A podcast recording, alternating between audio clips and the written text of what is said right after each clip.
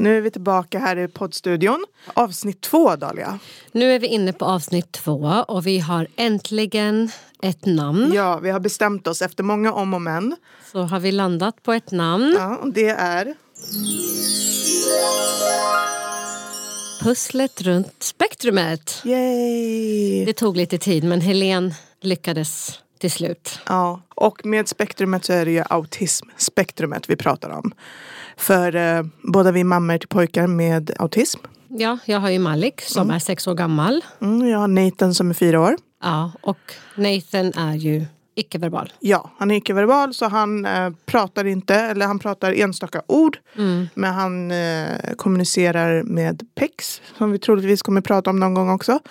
Och sedan så, ja, melodier och sånger och sånt. Men eh, han är icke-verbal. Mm.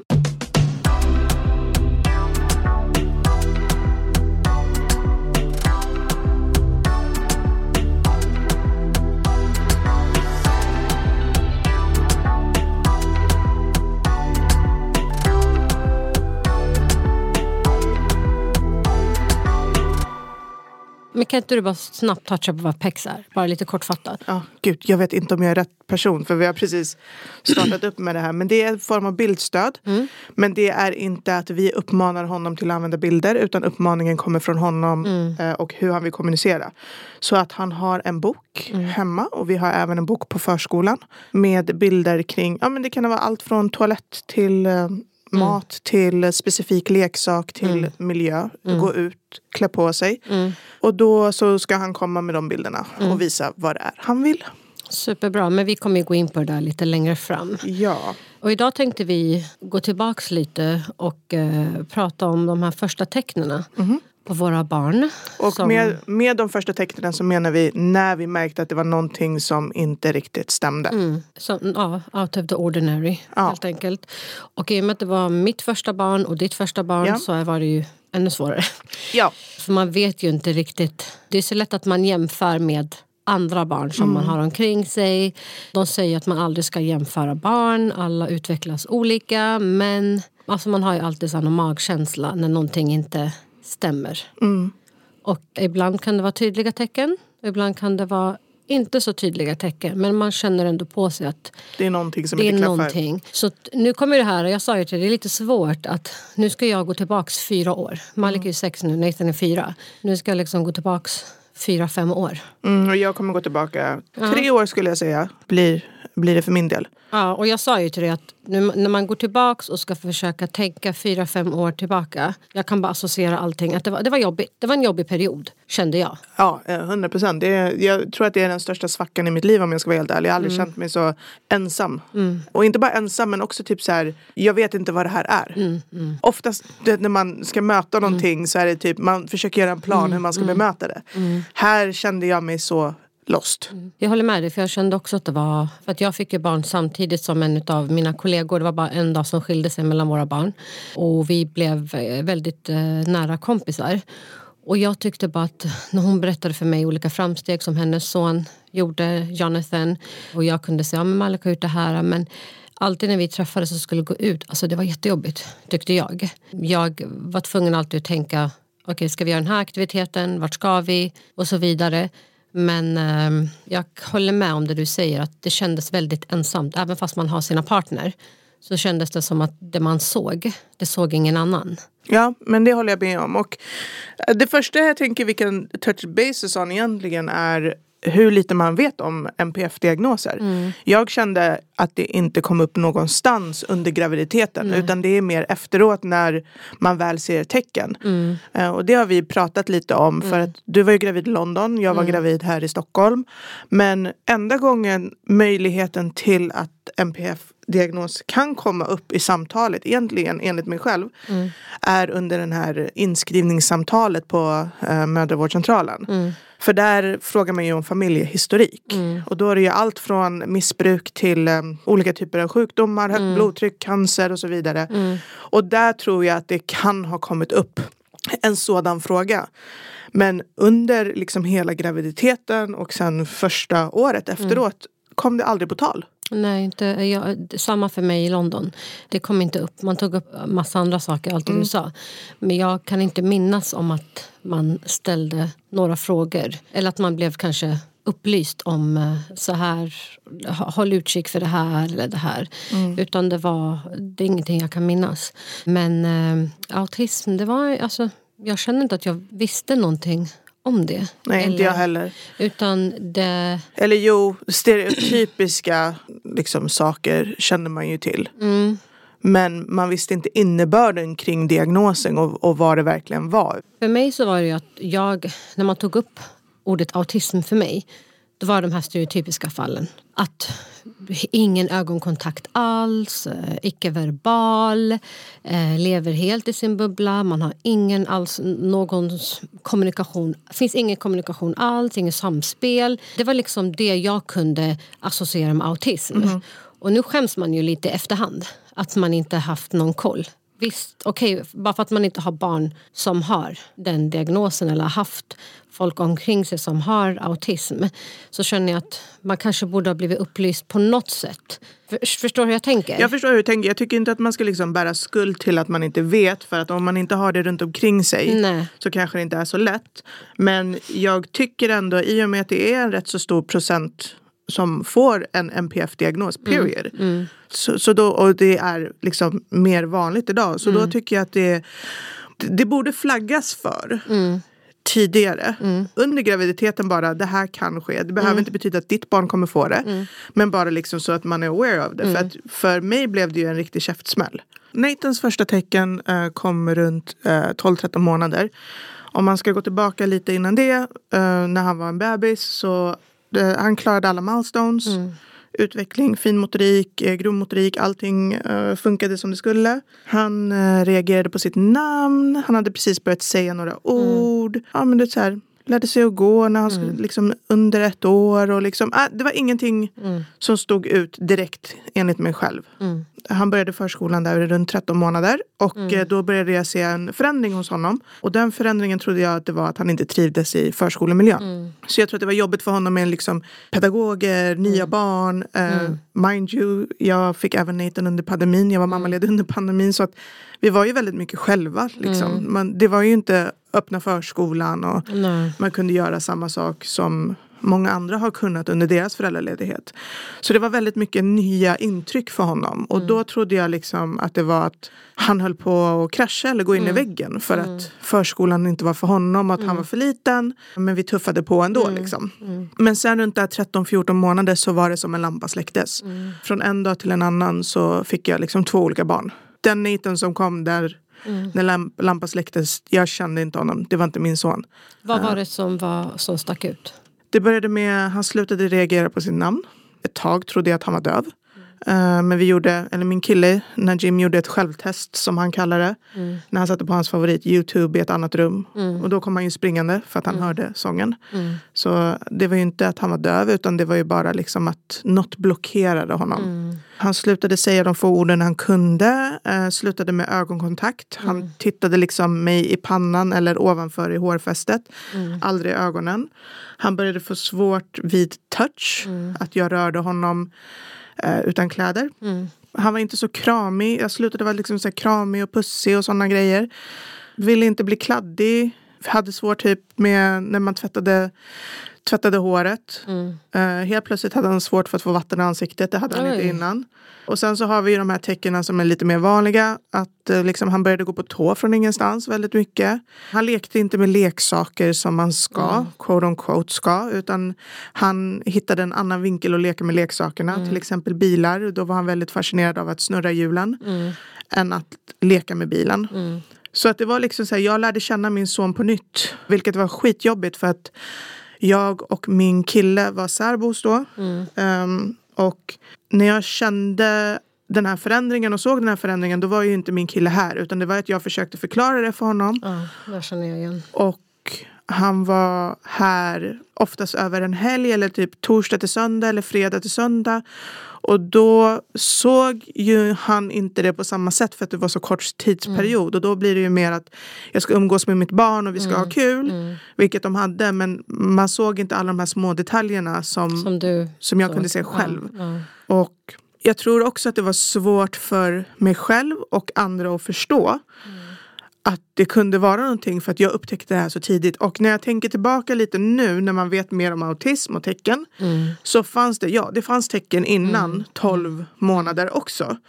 Till exempel Nathan äh, brukade vagga när han satt i sin mm. spjälsäng när han hade vaknat. Mm. Brukade han vagga, han brukade inte ropa efter mig utan han satt bara där.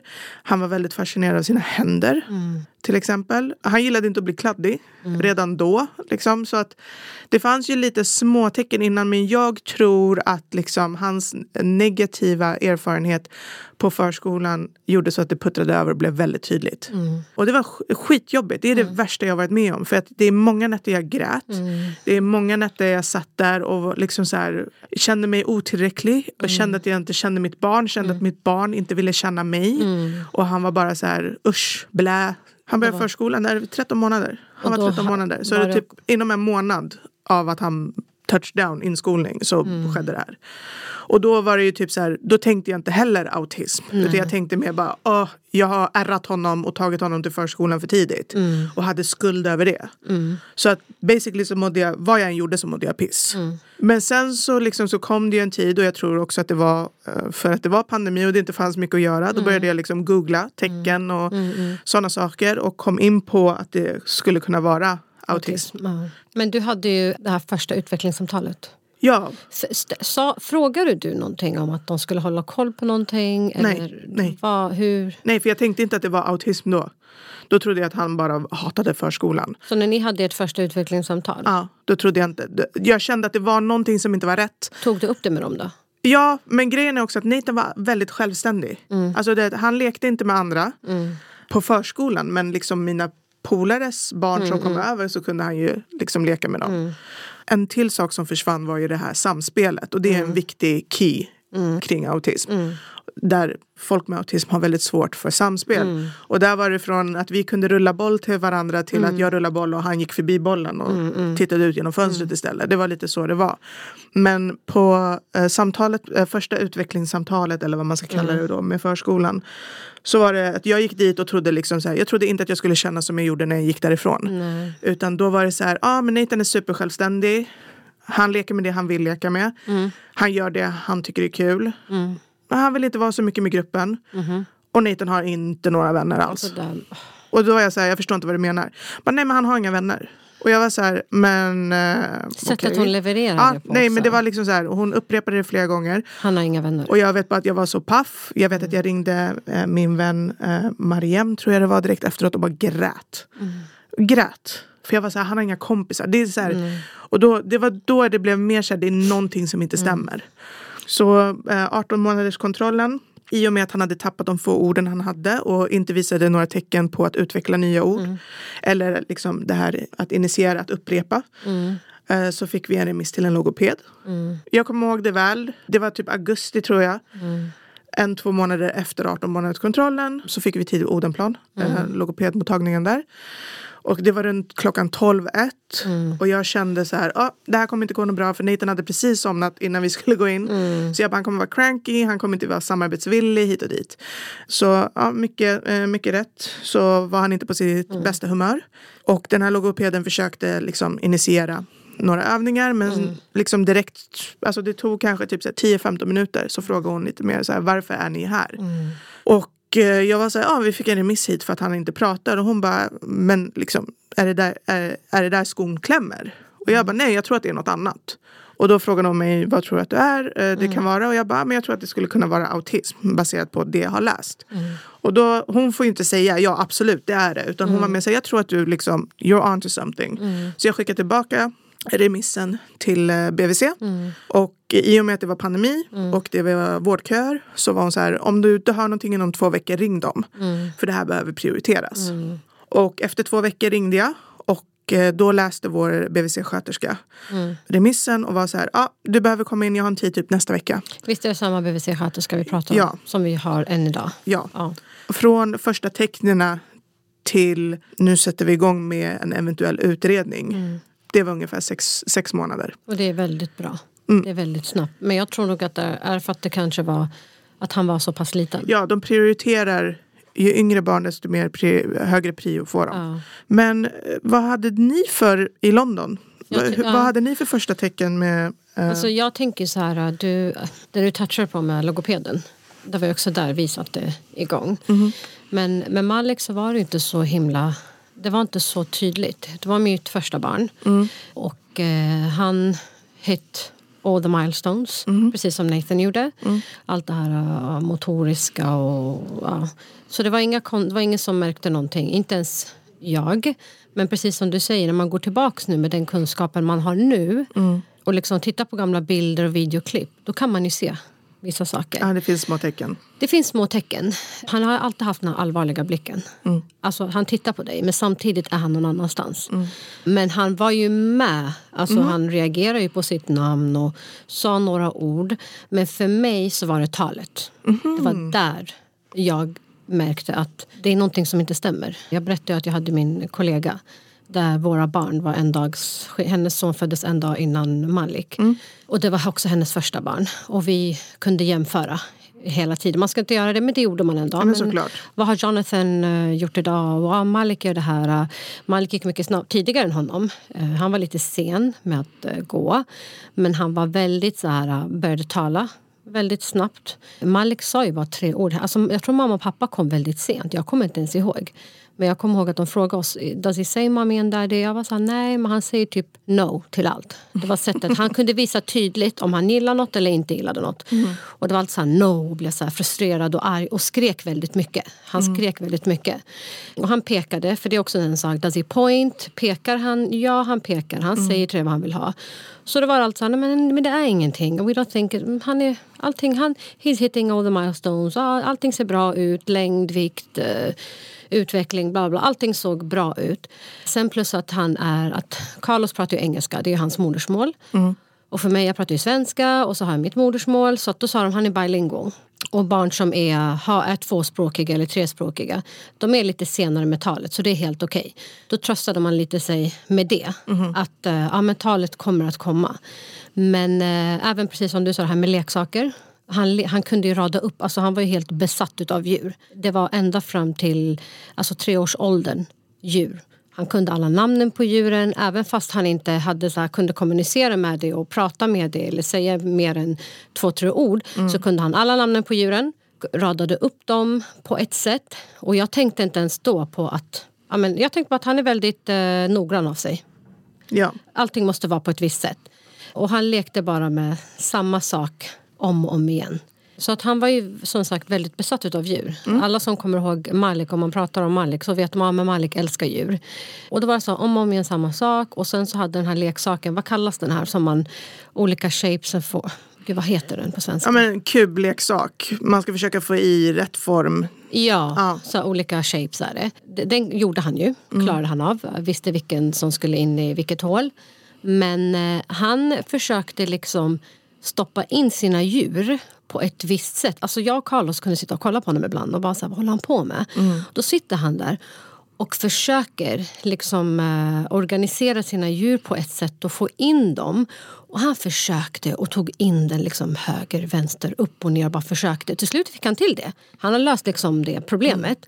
Och så dagen efter gjorde han samma sak och så var det repetitivt. Samma leksaker om och om igen. Han tröttnade liksom inte. Han liksom gick in i det. Och jag tänkte bara, okej det är ett intresse. Han gillar djur helt enkelt. Han är som sin pappa som gillar djur och allt det där. Ett intresse. Men jag tror att där jag började få upp ögonen ännu mer att nej, någonting stämmer inte var när vi skrev in honom som dagmamma. Jag ville inte att han skulle börja på förskolan vid två, alltså så tidigt för att jag var lite orolig för att han kunde inte prata. Talet var inte där och jag kände bara jag vill inte sätta honom i förskola riktigt. Och eh, där är det väldigt vanligt att man har så här, eh, dagmamma väldigt, väldigt vanligt med dagmammaverksamhet. Och då hittade vi en som var typ så här 10 minuters gångavstånd ifrån oss. Och hon hade tre barn, blir med Maliks max tre barn. Och eh, då sa jag till henne faktiskt att eh, Malik, eh, talet är inte riktigt där, men han säger till vad han vill och inte vill. Men jag vill gärna att du håller koll på vissa saker åt mig för jag känner att det kanske är någonting. Att, jag vet inte om det är autism eller men det är någonting som jag känner. Vad, vad var det du bad henne hålla koll på? För det, jag om det är någonting som sticker ut. Okej. Out of the ordinary. Okej. I och med att hon har jobbat med barn så himla länge och det är bara tre barn. Så hon kan hålla koll, hon kan liksom eh, monitor him på ett annat sätt. Hon bara absolut inga problem och så började han där och så var det en kille som var de var lika gamla, han och en annan kille som gick där som hette Alexander och så var det ett barn som var typ, tror jag, lite yngre än dem. Men det var mer Malik och den här Alexander, de samspelade mer. Och jag tror han hade bara hade gått en vecka. Jag kommer ihåg att hon berättade för mig att just det, så här är det. de har öppna förskolor och kyrkor där. För det finns väldigt mycket kyrkor som står tomma och då använder man det till öppen förskola. Och då är det olika dagmammor som går dit och träffas. Och oftast är det samma dagmammor som känner varandra. De träffas där, barnen får träff- leka och så vidare. Men det var en specifik kyrka som är väldigt, väldigt stor. Och eh, då blir det liksom det här med akustiken. Eh, ljudet blir väldigt, väldigt jobbigt kan det vara. Och då sa hon till mig, Dalia, det finns ett ställe som vi brukar gå till varje, jag tror det var varje onsdag eller torsdag, jag kommer inte ihåg. Och Malik eh, gråter väldigt mycket. Han tycker det är jättejobbigt. Jag vet inte vad det är. Men han bara sitter och gråter. Och så skickade hon en bild till mig, kommer jag ihåg. Och Malik sitter där och bara, alltså man ser att han har typ så här gråtit i timmar. Mm. Hon bara, jag vill gärna att du följer med någon dag. Bara för att du ska själv se hur han reagerar. Men hon sa att vi har slutat att gå dit nu. För att det funkar inte. Så att vi håller oss till de här mindre verksamheterna. De här mindre kyrkorna och andra öppna dagverksamheter som hon brukar ta dem till. Jag kommer ihåg väldigt tydligt att jag följde med dem dit. Eh, och då var jag höggravid med Bilal. Och vi kom dit vid ingången, Helene. Alltså Malik vägrade gå in. Han började skrika och skrika. Och jag var så här, Malik what's wrong, what's wrong? Uh, why are you crying? Han var så här, no, no. Och så sprang han in till kyrkan. Och jag var tvungen att springa in efter honom. Och han var så här, du vet, så här helt förvirrad. Bara sprang runt. Gro- Tasmanian devil. Ja, han bara sprang runt och var så här helt förtvivlad och grät. Och jag var så här, okej men vet du, vi går till andra sidan. För de hade ett litet fik där vid sidan av. Så tog jag honom och så satte jag mig ner med hon eh, dagmamman och eh, den andra pojken och vi satt där och fikade. Och då, det var då jag kände att nej men det, det är någonting. Varför reagerar han på det här viset? Och då, det var då jag liksom började med min egen research. Google research då. Autism och vad kan det vara? Och började läsa och liksom började titta på honom på ett annat sätt. Och då började jag ta upp det med eh, när man gick till BVC. Och eh, sa till dem att jag misstänker det här eh, eller att det kan vara någonting. Men ingen såg det jag såg. Men ja, efter ett tag så sa hon till mig, jag tror att han är redo nu att börja på förskola Dalia. Och då skrev vi in honom på en eh, mindre förskola. Men då var det liksom fler personal, mer barn. Så det var eh, större verksamhet helt enkelt blir det. Och då sa jag även där till hon eh, managern, eller vad blir rektorn eller, för den förskolan. Och då sa jag till henne, jag bara, Jasmine, ehm, Malik, han har inte talet där, han är väldigt fåordig. Men han kan uttrycka sig och så vidare. Men jag vill gärna att du monitor him, säg till mig hur han beter sig i de här sammanhangen. För att jag vill eventuellt ta honom på att han ska utredas. Och då sa hon till mig, hon bara, oftast, det, ge oss åtminstone en månad för att kunna, vad heter det, Ja, men mappa upp. Kunna, Mappa upp, göra en kartläggning helt enkelt. Vi behöver lite tid för att göra en kartläggning. Ibland kan det ta en månad, två månader, tre månader. Men eh, absolut, vi ska köra en kartläggning. Det behövde inte ens gå en månad. Jag tror två, tre veckor efter. Hon mejlade mig. Jag kommer ihåg, jag skulle bara logga in så såg jag så här mail från Jasmine. Och jag satt där i vardagsrummet, kommer jag ihåg. Carlos sitter och kollar på TV. Malik tror jag låg och sov. Och jag bara, oh Carlos, uh, we just received an email from Jasmine. Jag bara, let me just read it. Och så läser jag och jag kommer ihåg Helene, och nu går jag tillbaka så här känslor. Det, det var precis det här som den här käftsmällen du fick. Nathan har inga kompisar. Han har inga kompisar. Jag sa om och om igen. Man bara, okej jag fattar. fan. När du går tillbaka nu känslor. Ja, men det är brutalt. Mm. Det är brutalt. Och det är ens första barn. Och man vill ingenting annat. Och jag ser att du blir tårögd just nu. Jag tror att alla föräldrar känner det här med att det, det enda man vill det är att ens unge Ska passa in. ska passa in. Det är det. Man tänker inte på någonting annat. Och jag blir bara så känslomässig nu. För att om det var andra eller tredje barnet då kan man tänka så här. ja, men jag har det här. Alltså, man tar det på ett annat vis. Då har man växt i sitt föräldraskap. Men nu är det liksom så här, han är ensam. Eh, det är nytt för mig det här med föräldraskapet. Och när jag läser det här mejlet och det står liksom om Malik, eh, han skriker väldigt oftast. Malik leker inte med någon. Malik förstör för de andra när man gör så olika när man ska bygga du vet, så lego ihop. Ofta är man tre, fyra barn och man står där och bygger ihop. Man hoppar in och du vet de här osynliga regler, oskrivna reglerna som bara finns där. Eh, man lär sig det här sociala samspelet. Det kommer väldigt naturligt. Med guidning av vuxna såklart. Men hon bara, ja, men Malik eh, liksom förstör och puttar och eh, skriker och han kan inte sitta och vänta när det är dags för mat, eh, när det är dags för lunch. Vi måste servera Malik mat först för han klarar inte av att vänta. Eh, han springer runt. Det var bara bam, bam, bam. Och jag sitter där och jag märker att jag blir så här, det rinner tårar och Carlos bara kollar på mig. Han bara, what's wrong? Jag bara, um, just read the email. Och jag vet inte om det där, förlåt att jag avbryter, men jag fick samma information fast jag fick det muntligt. Jag fick det muntligt och sen skulle jag föra vidare det till min partner. Du fick det på svart och vitt. Och sen så kunde din partner läsa. Alltså förstår du vad jag menar? Och jag vet inte vad som är värst. Och det är första gången jag tar upp om hans begränsningar och svårigheter. Då börjar jag gråta och jag tycker det är skitjobbigt. Så jag, det har hänt varje gång jag har pratat med rektorn, pedagogerna. Alltid när det är första gången jag ska beskriva Malik. Jag börjar gråta. Fast där också så tror jag att de tårarna, ja absolut, jag gör det också. Jag, jag kanske väljer att vraka lite mer än vad du gör. Men skämt åsido, men jag tror att det är, det är inte liksom att man är ledsen. Jag tror det är mer att fighten vi har framför oss, upp, vi, det blir en reminder varje gång man ska förklara. exakt. Så blir det en reminder och någonstans så blir det bara så här, uff jag är redan trött och han är sex. Nathan är fyra. Alltså förstår du vad jag För menar? att jag tänker liksom så här, när man hamnar i de här känslorna. Ja. Man tänker tio år framåt. 100 procent. Det är det jag tänker. Att barnet, just då kanske inte Malik mådde bra. Förstår du? Nej. Alltså att ingen förstår honom. Mm. Varför skriker han? Varför? Och när hon skrev allt det där till mig, jag beskrev för Carlos och Carlos han sa inte så mycket. Han bara uh, okej, sa han. Han, bara, vi, ja. han sa inte så mycket. Vi båda var tysta bara efteråt. Men jag tror att då förstod vi att det är någonting. Ja. Men även du kanske upplevde samma sak. Att när jag gick ut med honom till parkerna. Alltså så här, lekparken. Eller varje gång jag skulle ut där det fanns massa andra barn. Det var skitjobbigt. Jag kan, nu när man tänker tillbaka. Jag kan bara tänka att det var bara jobbigt. Det var bara hela tiden en alltså, Det var känslomässigt jobbigt. Det var fysiskt jobbigt ibland. För att du måste liksom ta upp honom. Och bara, Nej men nu går vi. Nej men du får inte göra så. Nej men du kan inte knuffas. Nej men du kan. Alltså det var hela tiden. Det var, det var inte bara att jag kunde sätta mig ner, dricka min kaffe Och se lå- och se honom. honom leka. Alltså Nej. det fanns inte. Jag var tvungen att förbereda det mentalt.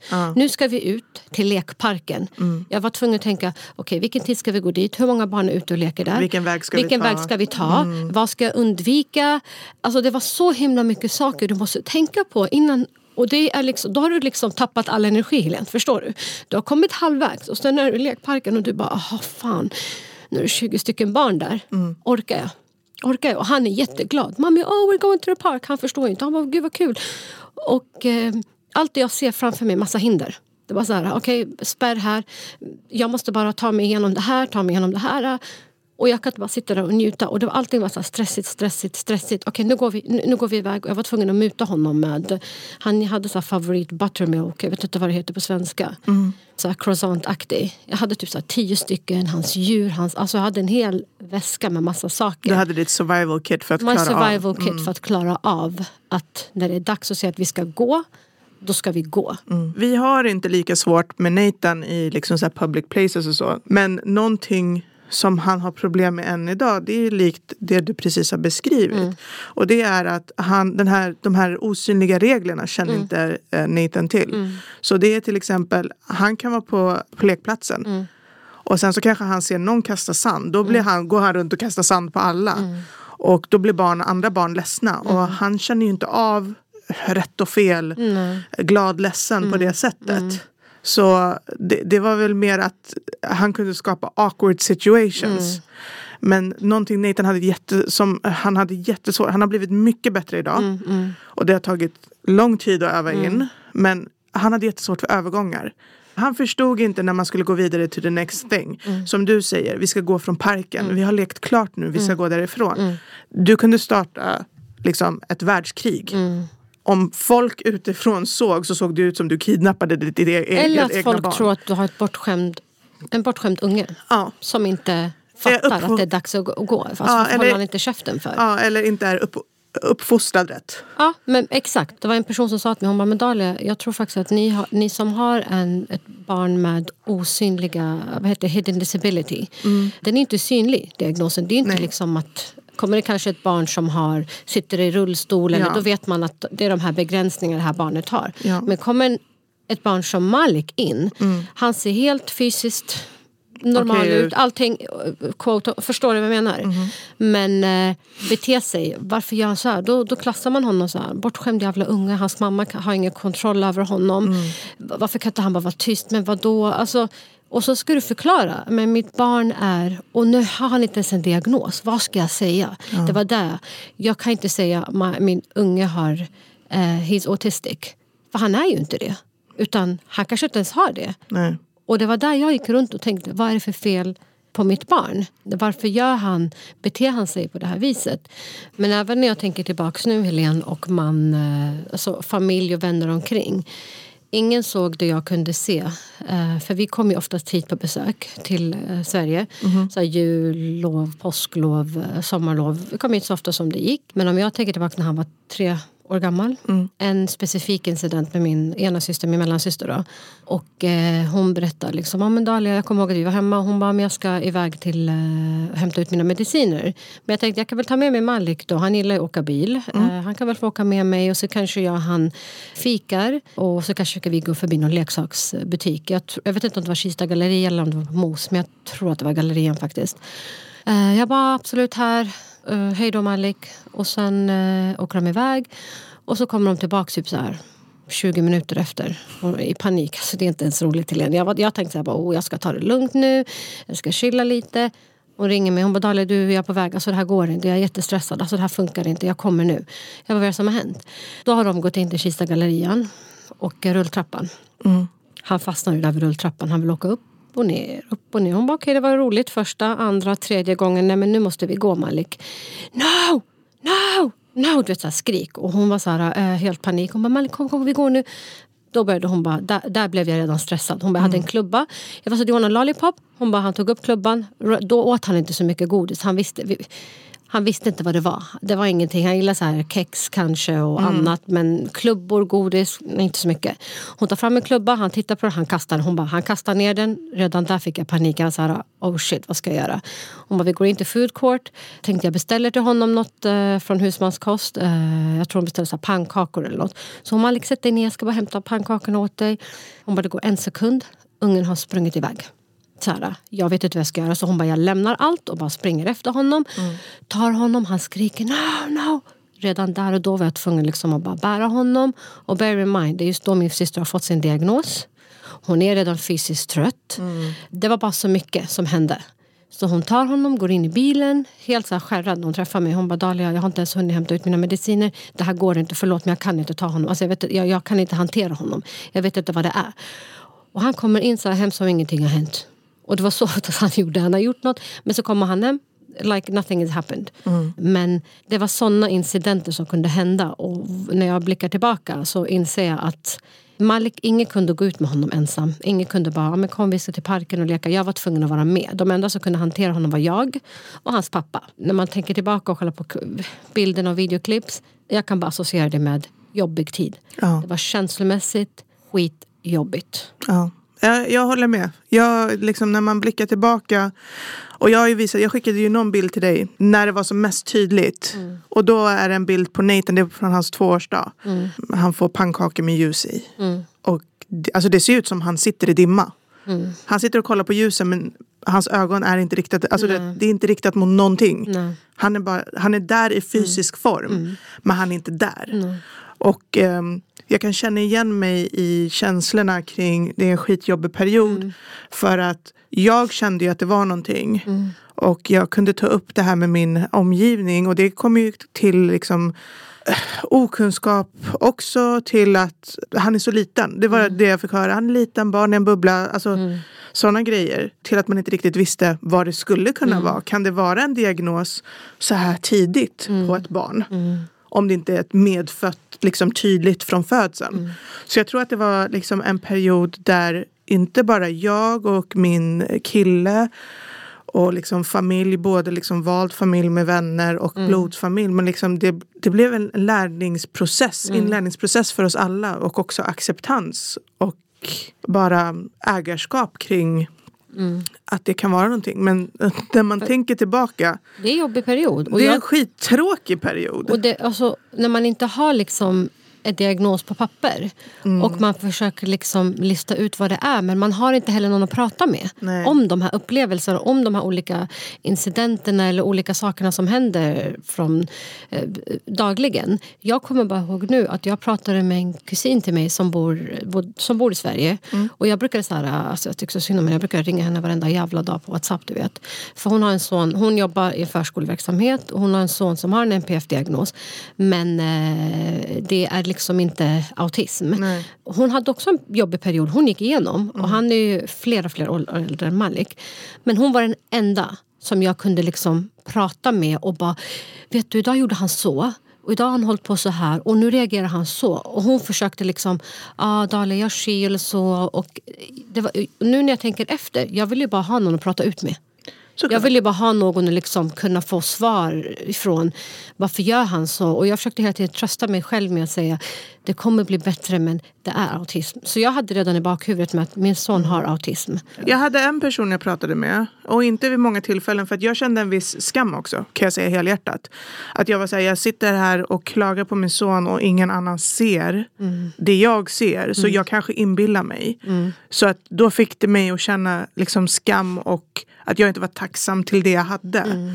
Men när vi väl hade kommit till den punkten att en läkare sa jag skickar en remiss till BUP. Då visste du? Då, hade jag, då visste jag, det, var en typ av lättnad men också mm. skräck och sorg. Exakt. Men då hade jag en, en genom en vän mm en gemensam vän då, då fick jag byta nummer med mm.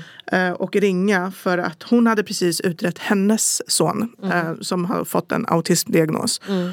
Och det samtalet, även om vi bara pratade kanske två, tre gånger. Hon sa flera gånger till mig, jag finns här för dig, det är bara att ringa när du vill. Eh, mm. Jag kanske inte var den som ringde men de gångerna jag ringde så gav hon mig en otroligt lättnad och också känsla till att du inte själv och jag vet vad du går igenom. Mm. Och jag tror att det betydde mer för mig än något annat för att det var att någon trodde på mig. Mm. Någon såg det jag såg och kände det jag kände. Mm. För att de har själv gått igenom mm. den okunskapen och mm. liksom mm, fråga, stora frågetecknet. Vad är det som är fel?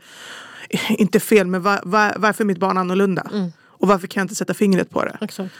Vi känner ja. att den här podden är viktig för att vi, vi vill kunna finnas där som stöd mm. för någon som är i en liknande situation. Mm. Som kanske inte har någon eller vet tillräckligt om det.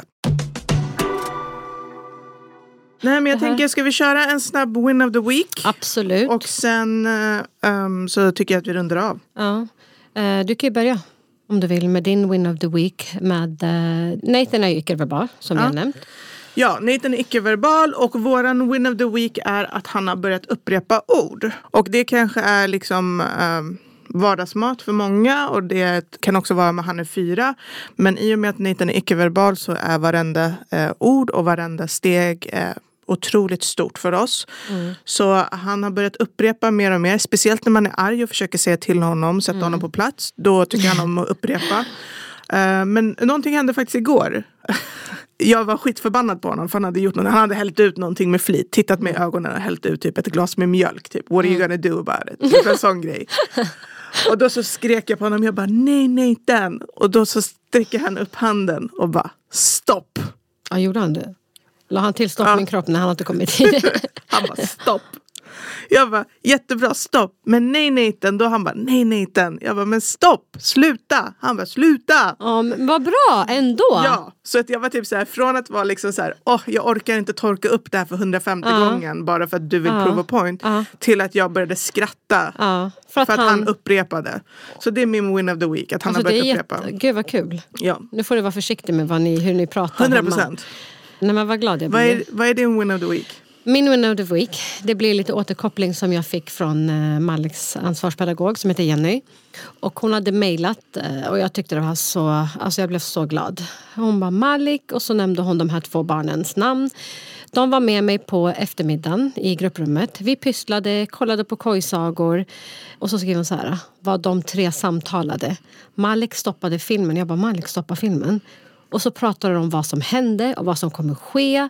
Alltså jag försökte föreställa mig, Helene, har min son som inte pratade som inte kunde svenska för ett år sedan, nu pratar han svenska, som inte ens kommunicerar med andra, inget intresse. Han har gått fram, stoppat filmen och ska nu diskutera filmens innehåll med de här två tjejerna. Men fattar du, jag blev så här, uh, oh my god. Alltså, eh, och det är det här man blir så här, fan jag missade det, jag vill också vara där och uppleva det här. uh. Men jag blev så himla glad när hon eh, skrev det där, att uh, gud vad de samtalade. Så att eh, det var verkligen min, eller våran win of the week. Det är en magisk win of the week måste jag säga. Absolut. Ja, nästa avsnitt så ska vi börja prata om ehm, första stegen i utredningen Mm. egentligen. Inte till diagnos kanske men liksom under utredningen och känslor kring det. Ja, Så det är nästa avsnitt.